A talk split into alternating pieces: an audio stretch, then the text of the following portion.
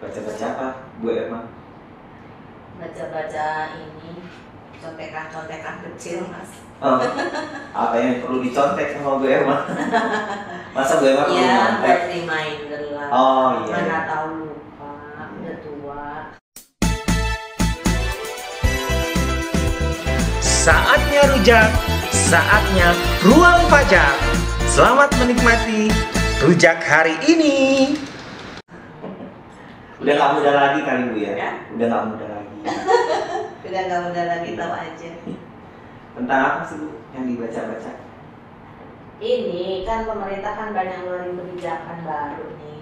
Kan kita perlu tahu juga gitu. Untuk kita knowledge kita dan juga kalau nanti teman-teman ada yang nanya gitu. Oh. Pajak-pajak kalau ada yang nanya biar kita bisa memberikan gitu. Ya aturan-aturan terbaru yang Aturan terkait terbaru. dengan ini kebijakan terkait dengan apa namanya adanya COVID-19 itu gara-gara Oh pandemi iya, iya, iya. Benar-benar. Hmm. Apalagi kan memang sekarang sedang COVID ya Bu. Hmm. Di mana-mana pasti terjadi istilahnya apa ya? Eh, hambatan mungkin ya Bu ya, gangguan mungkin ya Bu ya. Betul. Nah kalau di kita itu itu untuk perekonomiannya seperti apa Bu? Menurut Bu Irma, Gangguan kerasa ya. gangguan terasa. Maksudnya efek ya, efeknya kerasa banget gitu, kerasa banget. Karena sekarang kan banyak kegiatan kegiatan usaha yang bisa dibilang eh, stuck ya. Ada yang bahkan ada beberapa yang katakanlah eh, menjadi berhenti ya. Iya benar ya. Nah, berhenti. Dan itu tidak hanya di negara kita kan, gitu. efeknya kan kerasa di dunia ya. Banyak negara-negara lain juga merasakan hal yang sama. Dan karena situasi yang seperti itulah makanya kan eh, apa namanya pemerintah mengeluarkan strategi kebijakan yang juga extraordinary kan gitu ya. Karena situasinya kan memang extraordinary gitu kan. Nah terkait dengan apa namanya efeknya tadi karena efek di sisi ekonominya yang paling kita rasakan itu terutama kita ya yang ngurusin pajak nih. Iya pastinya ya Bu ya. ngurusin penerimaan negara. Iya pasti. kan kerasa banget gitu. Udah beberapa bulan terakhir ini kan penerimaan kan negatif gitu ya. Ibaratnya menurun. tahun iya. ya Bu. menurun drastis dari apa namanya dibandingkan dengan tahun lalu. Ya kan? Kerasa banget itu. Gitu. Kayak ini aja Bu ya istilahnya kalau di rumah tangga kan sama aja ya Bu ya. Butuh uang, nah butuh dana. nah Terus ternyata lagi pandemi kayak gini kan banyak juga yang pemasukannya Betul. Bahkan yang PHK banyak juga ya Bu ya. banyak. Itu Bu kayak di tempat adik saya kan kebetulan kerja di rumah sakit ya. Hmm. Nah, dia cerita bahwa di rumah sakitnya itu Bu, Hmm. kan kalau di kita nih ada OB seperti itu kan ya. Nah, ada OB yang bantu-bantu yang bersih-bersih dan segala macam. Nah, di rumah sakitnya itu eh, kan OB-OB-nya ini mereka itu kerjasama sama outsourcing, Outsourcing. ya outsourcing. Nah, dia cerita Bu, karena kan sekarang banyak yang butuh nih. Hmm. Waktu kemarin-kemarin yang benar-benar apa istilahnya tuh PSBB ya. Nah, PSBB itu kan benar-benar banyak yang tutup tuh di mana-mana ya kan. Perkantoran tutup, apa tutup ya. Jadi mau tidak mau eh, karyawan-karyawan mereka yang kerja sebagai OB di perkantoran itu itu kan boleh dibilang jam kerjanya itu ya kan. nggak ada, bahkan Iya. mungkin ya nggak ada gitu loh bu, nggak ada. Nah akhirnya karena di rumah sakit juga mengurangi, kan kata adik saya itu cerita di rumah sakitnya aja bu, Hmm. selama efek covid Hmm. itu tingkat kunjungan itu berkurang ya. turun. Karena kan orang takut ya, ya Takut. takut ke rumah sakit istilahnya begitu. Nah jadi akhirnya ya apa outsourcingnya ini memutus Oh, hubungan PHK kerja, ya, iya. jadinya. Jadi ibaratnya mungkin yang tadinya menyuplai berapa orang gitu ya, Hmm, ya. dikurangi atau kurang. dihentikan kali ya Iya. Terus juga ada eh, saya pernah waktu itu dapat dari sosmed dari Hmm. temen gitu. Ada supir-supir online, driver online gitu ya, Bu ya. Yang di situ tuh curhat. Karena kan waktu itu sempat berlaku nggak ada iya karena Penumpang. untuk mereka kan akan sangat terasa sekali ya betul. Terasa sekali buat mereka dampaknya Iya. Tidak hanya orang pribadi istilahnya Bu ya, perusahaan dan kita kan institusi pajak menghimpun penerimaan dari orang pribadi, Hmm. dari perusahaan, betul nggak Bu? Betul. Nah, kalau DJP sendiri melihat ini Bu, melihat keadaan pandemi ini, bagaimana? Kan tadi ya teman-teman udah eh, melihat tadi Mas Oso udah bilang penerimaan bertu- eh, apa namanya turun drastis gitu ya. Iya. Iya. Karena itu kan dampak dari kondisi ekonomi yang menjadi lesu ya. Nah, bahkan beberapa sektor kan memang bisa dibilang stuck gitu ya. Pemerintah sebetulnya sudah memberikan ini, memberikan namanya beberapa fasilitas ya fasilitas eh, yang bisa dimanfaatkan oleh para pelaku usaha ya bisa oleh yang individu maupun yang perusahaan bahkan untuk yang apa namanya bisa dinikmati juga oleh orang pribadi. Karena kalau orang pribadi kan dapatnya satu satu ya. Itu juga dapat gitu. jadi ada macam-macam. Jadi selama selama pandemi istilahnya bentuk dukungan atau empati Direktur Jenderal Pajak ya Bu itu memberikan yang Ibu bilang tadi fasilitas, fasilitas. Insentif kali ya Bu ya. ada yang fasilitas Kalau bahasa di pajaknya insentif. Ah, ya. betul. Nah terkait sama insentif ini kalau menurut kacamata Bu Ermani sebagai orang Hmm. pajak ini sesuatu yang menarik gak sih Bu? Kalau saya sebagai pelaku usaha, pemerintah sudah memberikan insentif, kenapa tidak dimanfaatkan? Oh, Karena kan sangat ber, apa namanya bermanfaat sekali pasti pasti. untuk iya untuk. Misalkan saya sebagai pelaku usaha. Nah kalau kalau memang itu Hmm. cukup menarik Hmm. kalau misalnya kita boleh lihat data gitu ya Hmm. data selama pandemi ini kira-kira sudah banyak belum sih Bu yang memanfaatkan fasilitas ini? Nah, informasi dari teman-teman yang di lapangan Ya. ini belum banyak, gitu. belum banyak wajib pajak yang memanfaatkan fasilitas itu. gitu. Padahal kan ada beberapa yang bisa dimanfaatkan oleh mereka. Gitu. Nah. Jadi kayaknya obrolan kita ini pas ya Bu ya. Iya, Benar ya. Iya. Jadi ngomongin fasilitas, Nah, mungkin siapa tahu ada yang belum tahu mungkin ya Bu ya Hmm. karena kan karena WFH atau mungkin karena istilahnya kalau orang bilang lockdown ya, Bu. ya, lockdown jadi mungkin jangan di lockdown informasinya. ya gitu benar ya kan Bu jangan di lockdown informasinya jadi obrolan kita ini siapa tahu membuat orang-orang jadi tahu Nah. masyarakat jadi tahu WFH jadi tahu. Nah, Yang jadi tergerak ya. ya yang tadinya tahu mungkin Segera bertindak. yes akhirnya Nah, oh, ternyata menarik benar nah, bisa dimanfaatkan. gitu. Nah, ngomongin ini nih, kan biasanya kalau segala sesuatu kayak kita mau beli rumah, beli apa, kan kita pasti akan lihat nih fasilitasnya apa. Apa saja? Nah, eh, karena dengan fasilitas yang menarik itu, pasti kan kita akan kalau pembeli misalnya bu ya tertarik untuk membeli. Apa ini fasilitasnya? Bintang berapa? Bintang 5, bintang 7. Tentang tuh. Kayak puyeng. Iya ya bu ya. Nah ngomongin fasilitas yang diberikan oleh DJP nih bu ya. Nah harus tahu dong nih, Nah, ya kira-kira apa aja sih fasilitasnya? Bu? bicara fasilitas itu ada fasilitas eh, gedenya nih ya, ada Iya. fasilitas PPN. PPN, Ah, oh pajak pertambahan nilai, Betul, ada fasilitas PPH. pajak penghasilan. penghasilan, betul. Gitu. Kelompok gedenya itu. Iya, kelompok Ah. gedenya. Karena kan di DJP kelompok gedenya tuh pasti ngomongin PPN, Ah, PPH, betul. PPN, PPH, Iya. PPN, PPH. Ya. Kayak iklan ibu tiga kali. Diulang-ulang biar ingat. Iya benar. Nah, Karena kalau diulang-ulang tiga kali katanya sih nyantol ya. Hmm. jadi kebiasaan gitu Iya. katanya. Nah ngomongin tadi ibu kan sudah ngomong Bu Elma fasilitas ada PPN, ada PPH. Kalau mungkin kalau ngomongin satu persatu secara detail kayaknya kurang ya bu. Waktunya maksudnya kita perlu Gak akan selesai-selesai. Oh nggak akan selesai. ya. Heeh. Nggak akan selesai. Panjang kali lebar. Panjang kali lebar hasilnya luas ya bu ya. Jadi mungkin kalau secara gambaran gambaran saja nih secara garis besar, misalnya buat eh, PPN itu apa yes, gitu ya. atau mungkin ini bu aturan-aturan yang ada itu untuk fasilitas ini apa-apa aja sih? Nah, Nah itu kayaknya itu dulu deh.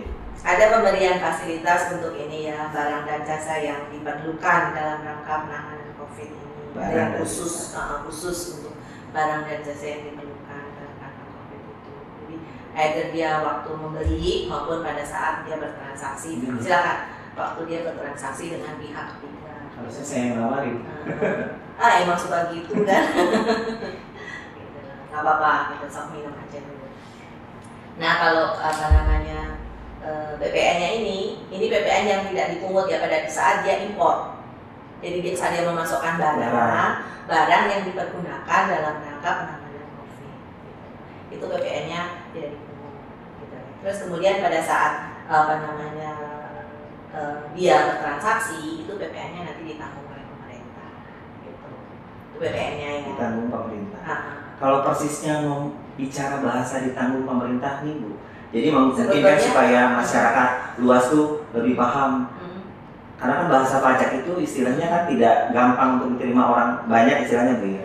kalau persepsinya masuk itu apa kalau ditanggung pemerintah Ditanggung pemerintah itu berarti misalnya ada terbayar ada pajak yang Ah, harus dibayar, ah. tapi itu yang ya udah bayar pemerintah yang, yang nanggung. bayar. ya Ah. pemerintah yang bayar Hmm. tapi tentunya di dihitung dulu istilahnya gitu ya. Betul. nah kalau ibaratnya pajak biasanya kan oh kita hitung dulu nih berapa nih Hmm. oh sekian terus kita setor bayar bu Hmm. apalagi sekarang bayarnya gampang udah kayak kayak gini Ini.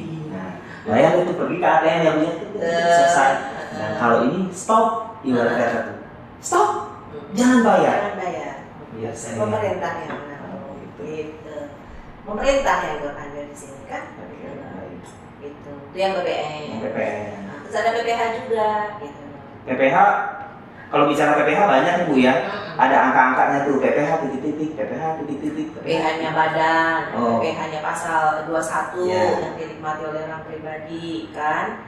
Kemudian ada yang untuk UMKM. Gitu. Kalau badan nih Bu, badan PPH badan itu Kan kalau badan kan punya kewajiban untuk nangsur ya. oh, pasal Pasal 25 25. Iya. Nah, bulan tiap masa Iya, gitu. Itu diberikan keringanan. keringanan. Diskon ya Bu ya. Iya, sampai 30%. Diskon 30%. Kan Gimana sedikit Bu? itu iya. Kayak ini gitu. nih. Harga diskon 30% misalnya Bu. Pasti kan kita Kerasa banget Oh, kan? iya, benar. Gitu. Benefit dari 30% tadi. cashback ya Bu. Nah, Yang tadinya ada jadi niat nah, kayak buka online tek tek tek tek Iya. lapar ah makan apa ini. Makanya sayang kalau tidak dimanfaatkan fasilitas ini. Jadi untuk yang pasal 25 tadi yang tiap bulan dibayar sama Hmm. eh, BP Badan itu bisa mendapatkan pengurangan 25 eh 30%. 30 persen ya 30 persen sangat sangat lumayan ya Bu. Ya. sangat sangat itu yang Kalau yang UMKM tadi sama DTP lagi. Oh DTP lagi Hmm, Pasal 21 sama DTP lagi. DTP lagi. Gitu. nah ini kayaknya menarik nih karena kan eh, apalagi di saat ini Bu pelaku usaha kita kan sering menyebutnya dengan UMKM Bu pelaku usaha kecil dan menengah nah untuk pelaku pelaku usaha kecil dan menengah ini kan pasti sangat terasa ya Bu Hmm. Nih kayak kayak saya pribadi saja dan keluarga waktu kemarin eh, lockdown istilahnya bu ya, yang iklan-iklan di rumah saja, di rumah saja, di rumah saja itu kan. ya. Untuk jajan itu takut bu. Akhirnya Terus belanjanya gimana? oh stop bu, Nah, stop kebetulan gini bu. Eh, selama ini kan kalau di rumah itu ada yang langganan, jadi kan stop dari Online, kan? Ah, ada yang langganan juga jadi stop. Jadi kita tuh mengolah sendiri. Memang satu sisi ada penjual yang mungkin omsetnya naik ya bu kayak penjual-penjual apa sih lauk-lauk mentah kayak ikan, ayam, itu kan Hmm. dia pasti omsetnya meningkat waktu itu karena Iya. banyak yang sendiri. kebutuhan atas itu tidak terhenti. Betul. Meskipun kondisinya seperti Betul. itu. Tapi kalau yang jualan bu, misalnya dia jualan ayam goreng, jualan makanan-makanan bu, ya itu kan sangat terasa.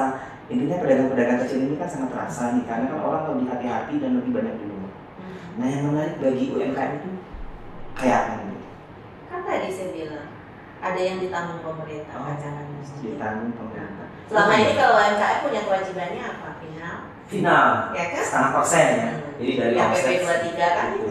Iya. Jadi kalau misalnya selama ini sebulan, misalnya sebulan omsetnya 10 juta, Hmm. berarti kan dia mesti bayar setengah persen ya bu. Ya karena pandemi sekarang udah mulai jualan, omsetnya ini turun, Tidak perlu di stop. nggak perlu distorkan. Walaupun misalnya setelah, setelah dihitung, oh mesti harus bayar ya 500 ribu atau atau misalnya 100 ribu.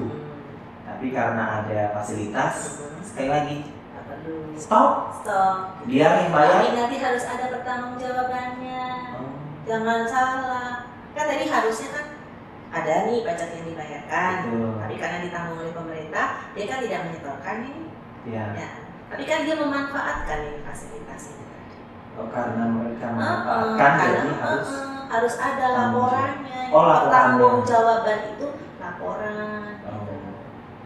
Jadi kalau memanfaatkan itu ada ada pertanggungjawabannya berupa laporan-laporan ya. Seperti apa itu kan Ini, sudah ada ininya. kan pemerintah udah memberikan fasilitas nih ya kan wajib pajak dihimbau untuk memanfaatkan fasilitas ini Ya. caranya gimana coba diakses ke www.pajak.go.id Online. Online. Nggak perlu datang. nggak perlu datang diam di rumah saja Ya. tapi bisa memanfaatkan fasilitas itu ya Ya. kan tinggal akses www.pajak.go.id buka formnya ya kan diisi itu fasilitas apa yang akan dia manfaatkan nanti KPP yang akan verifikasi kriterianya terpenuhi tidak gitu loh Kalau terpenuhi ya berarti juga persetujuannya lewat Iya, online itu juga. betul Oh, gitu. nanti dapat surat. Nah, eh, gitu kan. Nah, kalau itu sudah ter, apa namanya ter, terverifikasi ya sama KPP, BP bisa memanfaatkan nanti muncul tuh yang tadi saya bilang kewajiban sebagai pertanggungjawaban dia memanfaatkan. Sudah ada di situ. Iya. Jadi mudah ya Bu ya. mudah, mudah sekali. Jadi langsung tahu apa yang harus dilakukan. Mm-mm. Nah, terus tadi juga ngomong-ngomong pasal 21 Mm. ini ini juga nih yang paling istilahnya yang paling dominan sangat dirasakan kan masyarakat atau individu ya Bu. Mm. kan memang sebagian besar pasti kita itu kerja ya Bu ya istilahnya ya Betul. sebagian besar itu ya. bekerja bekerja maksudnya itu mendapatkan gaji, Gaji. ya kayak eh, saya Mm. kan tiap bulan dapat gaji mungkin ada yang bekerja di perusahaan mana dapat gaji juga ya Bu ya nah bicara yang tadi Bu Erma sampaikan 21 itu kan juga mendapatkan Fasilitas. fasilitas ditanggung pemerintah juga dan itu keuntungan boleh dibilang keuntungannya bu ya keuntungan bagi si orang pribadinya itu. Mm-mm.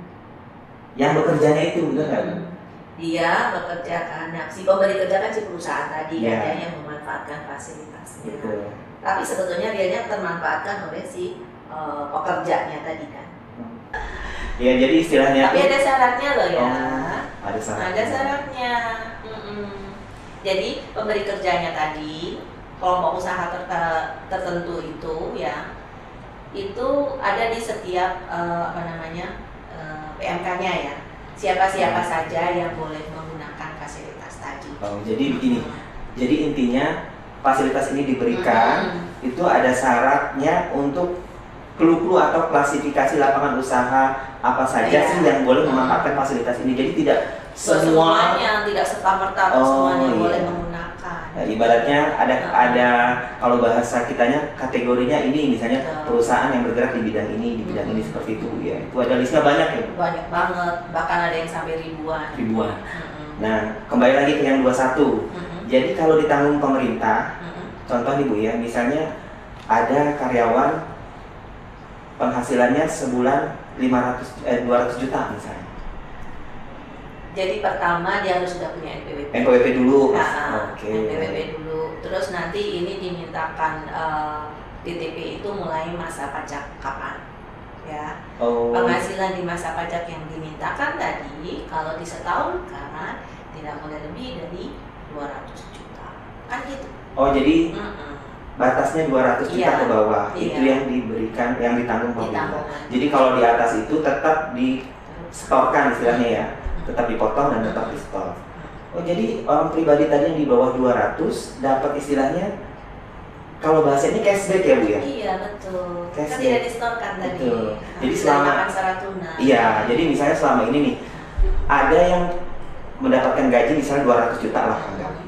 Terus setelah dihitung-hitung, misalnya tiap bulan itu dipotong misalnya 500 ribu misalnya bu ya, Mm-mm. 500 ribu. Jadi 500 ribu yang tiap bulan dipotong tadi dan disetorkan oleh Harusnya perusahaannya. Nah sekarang itu kembali jadi dinikmati dinikmati oleh jadi nah kayak ada tambahan penghasilan. Oh. Jadi pemerintah sangat Hmm.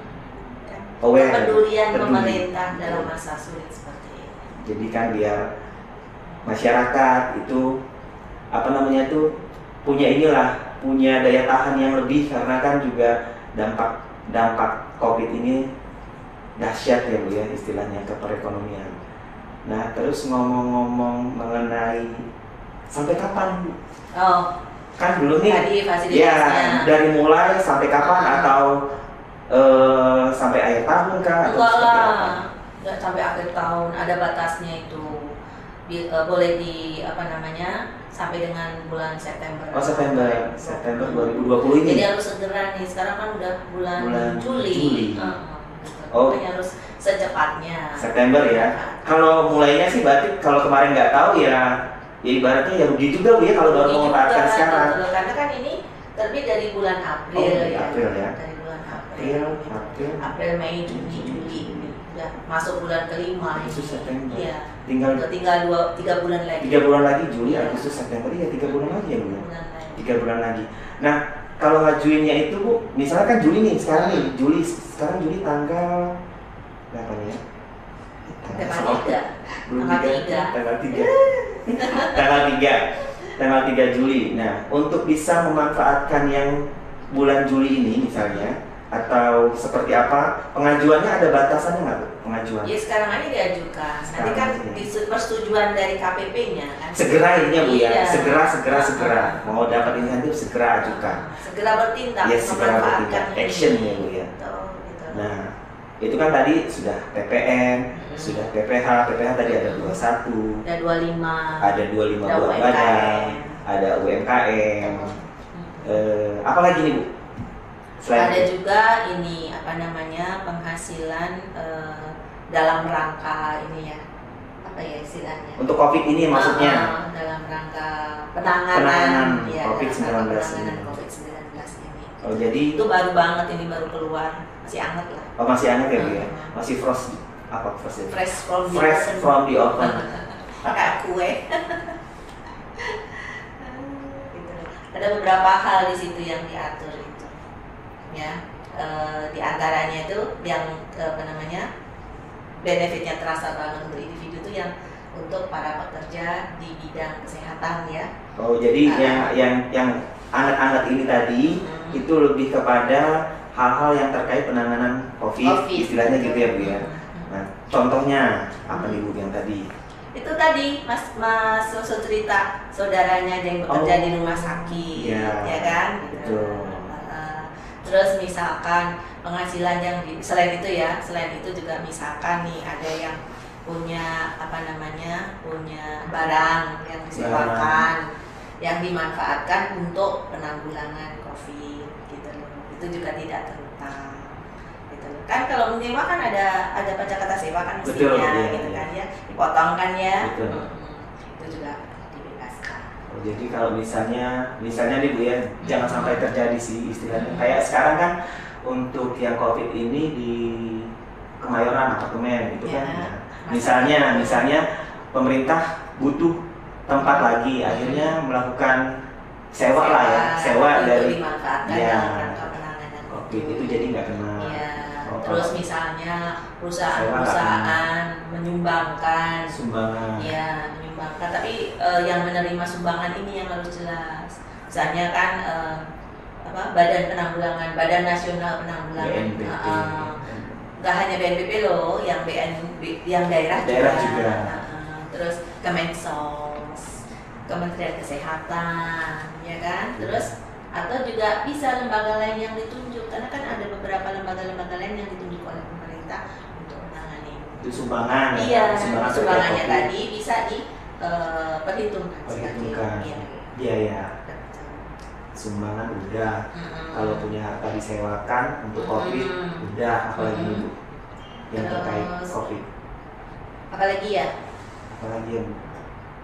Ayo sumbangan udah Ingat-ingat. terus eh, Mas Susu kali yang lupa kali Minum dulu deh. ah, minum dulu ya boleh ya minum dulu ya nah, minum dulu deh apa yo Apa ya Bu? Heeh. Karena kan ini kan anget ya Bu. Anget Eh, loh. anget jadi kadang-kadang kadang-kadang suka biar ini biar jenis kali di catatan ibu ada kali Bu.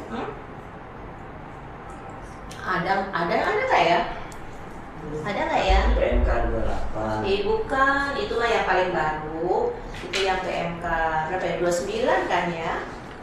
29. Yang baru bulan Juni kemarin. Gitu. Kan? Kan kalau dalam rangka penanganan COVID itu kan eh, yang paling banyak diperlukan apa? Alat-alat kesehatan. kesehatan, Nah, itu dia. Gitu loh. Oh, yang PP 29 kalau nggak salah ya? Iya, Oh, PP PP 29. 29. PP 29. PP Jadi- 29. Produsen alat kesehatan. produsen alat kesehatan Alat kesehatan gua apa? Masker, facial, gitu, baju, ya kan, baju pengaman, baju pelindung ya, baju pelindung, gitu. kayak gitu. bentuk Antara- realnya kayak apa bentuk real untuk maksudnya produk alat kesehatan itu Dia dapat me- diberikan fasilitas eh, pengurang apa ya, pengurang, pengurang, pengurang penghasilan itu sebesar 30 oh kalau bahasa gampangnya diskon ya Bu ya diskon, diskon, diskon. 30 persen 20%. Jadi itu ya produsen alat kesehatan, Produsen terus tadi yang kesehatan. sumbangan-sumbangan tadi. sumbangan Nah, sumbangan tapi harus jelas ya tadi ya Oh, penerimanya harus siapa. Kemudian yang tadi eh, apa namanya ke orang-orang pribadi yang penugasan di bidang apa namanya eh, penugasan di tenaga medis tenaga Bu? medis oh iya pena- yang Menangani menangani COVID, COVID jadi tenaga medis tapi yang menangani menangani COVID. COVID itu harus itu Ya. karena bukan tenaga medis semuanya, Semuanya, gitu betul, nanti semua semua bisa mengklaim kalau kayak Iya. gitu kemudian apa namanya eh, kalau misalnya eh, seseorang punya harta tapi Iya. dimanfaatkan untuk menangani COVID yang tadi yang sewa tadi Iya, betul. Nah, tapi kalau kalau itu sewa biasa tetap Sewa biasa tetap ya, Bu, ya? Iya. Tapi kalau menyewakannya, menyewakannya dalam rangka untuk digunakan penanganan COVID, gitu, Iya. itu bisa Iya. Nah, menariknya gini bu ya kan kalau tenaga medis itu kita tahu ya bu ya Mhm. kalau sekarang garda terdepan ya kan bu Hmm. karena kan mereka langsung bersentuhan istilahnya bu ya bersentuhan langsung kan dengan corona itu yang makanya harus lengkap APD-nya nah untuk yang tenaga medis ini bentuk fasilitasnya itu apakah sama kayak tadi 21 juga Ada satu ya. Hmm, Hmm. iya Mhm. jadi istilahnya kan tenaga medis ini kan sama kayak tadi 21 Mhm. Dapat gaji Diberikan ini kan ya apa namanya eh, honor ya. honor Nah, eh, karena kan tenaga medis itu kan ada mahasiswa juga kan, mahasiswa kedokteran yang betul. apa apa istilahnya ya diperbantukan ya itu ya. relawan kali ya, relawan nah betul relawan Oh, relawan jadi relawan-relawan yang Hmm, mendapatkan yang mendapat honor. honor gitu Oh, gitu. Dokter khususnya dokter ya. ya Untuk dokter orang pribadi. Oh, lebih nah kalau dokter orang pribadi gimana bu? Kan tadi kalau dokternya bekerja, misalnya dokter bekerja di rumah sakit, penghasilannya ibaratnya dari pemberi kerja kan dia masuk yang tadi 21 DTP. Hmm. Kalau dia dokter, taruhlah dia kalau praktek pribadi kan berarti umum kan ini umum. Hmm. Kalau misalnya dia menangani COVID, misalnya misalnya diperbantukan, kalau dia diperbantukan Ya. berarti kan dia di rumah sakit situ Betul. tidak praktek pribadi bukan di praktek itu juga pribadi mendapatkan fasilitas Iya. kurang lebih gitu Bu, ya Iya. nanti seperti apa ininya yaitu mungkin lebih jelasnya nanti kan uh, mereka bisa konsul ke KPP KPP betul ya segera saja segera saja manfaatkan fasilitas ini. Kira-kira kita kan udah ngobrol banyak nih tentang boleh dibilang tentang insentif pajak untuk penanganan COVID ya Bu kepada wajib pajak lah ya kepada masyarakat. Ada lagi nggak Bu ya kira-kira yang terlewat nih kira-kira? Apa apa ya tadi sudah waktunya sudah Hmm. April sampai September. September Terus tanggung jawabannya harus, harus. lapor laporan Iya. ya kan Jadi Kalau ada- siapa siapa saja tadi Hmm. di KRU KRU tertentu Betul. tadi bisa dilihat di peraturannya karena banyak banget gitu ya kan Nah, Ada hak, ada kewajiban. betul. melakukan pelaporannya tadi Ingin menyampaikan pesan apa nih ke kita semua? Pandemi ini kan belum berakhir ya meskipun apa namanya situasi sekarang kan sudah jauh lebih berbeda ya dan teman-teman juga semua baik. sudah eh, beraktivitas. Ya. Kalau sekarang kan dibilang new normal. New normal ya, ya benar. New normal itu artinya kita harus eh, membiasakan tadi eh, kebersihan gitu dan masker ini face ini karena kita biar ngomongnya jelas ya Jarak ya, Bu? dan kita harus jaga jarak gitu. Udah dua tangan nih. betul gitu itu yang menjadi habit kita yang tetap jaga kesehatan Itu yang ya. terpenting ya, itu yang Bu. terpaling Jaga utama, kesehatan. iya. kalau kita sehat kita bisa berpikir kita bisa bekerja dengan maksimal Betul. gitu ya dan eh, fasilitas sudah diberikan oleh pemerintah para wajib pajak segeralah manfaatkan Betul. ini karena waktunya Sedikit lagi. Sebentar lagi. sebentar lagi nah, selesai itu nanti. Ya. mudah-mudahan gitu dengan adanya fasilitas ini wajib pajak masih bisa berkegiatan ekonomi masih bisa namanya menggeliat dan Amin. masih bisa berkontribusi di tengah pandemi ini supaya negeri kita tercinta ini tetap sehat secara ekonomi juga. Gitu. Dan semoga yang kita harapkan Hmm. pandemi segera berakhir, ekonomi pulih. Ah, Tadi sehat, kita harus sehat, imun harus sehat. Kalau imun sehat, imun sehat, imun kuat, pajak apa, Bu? Pajak kuat. Indonesia maju. Maju gimana, Bu? Kok bau wangi apaan sih? Eh, Bu, Bu Emma suka rujak kan? Suka. Saya udah tahu. dimakan? Oh, pastinya. Eh, wanginya menggoda. Ayo, Bu. Coba ya. Rujaknya rujak kuah loh, Bu. Enak. Ini kuah apa kira-kira? Kok wangi banget? Oh iya, saya langsung. Kue nih ya. Hmm. Kebayang nih. Udah baru sebentar. Enak sih. Hmm. Segar. Gimana, Bu? KPP? Bu? Makin banyak. Eh sekarang udah mulai berkurang. Bulan lalu puncaknya. Puncak lah ya. Tapi mungkin kalau efek ini lebih efektif itu. Karena kalau kami karena ada batasan jatuh tempo mau WFH mau enggak tetap aja harus bekerja seperti biasa. Justru waktu WFH kita harus lebih ini. Ibaratnya harus lebih intens gitu. Karena kan komunikasi bisanya email. Kalau mau review segala macam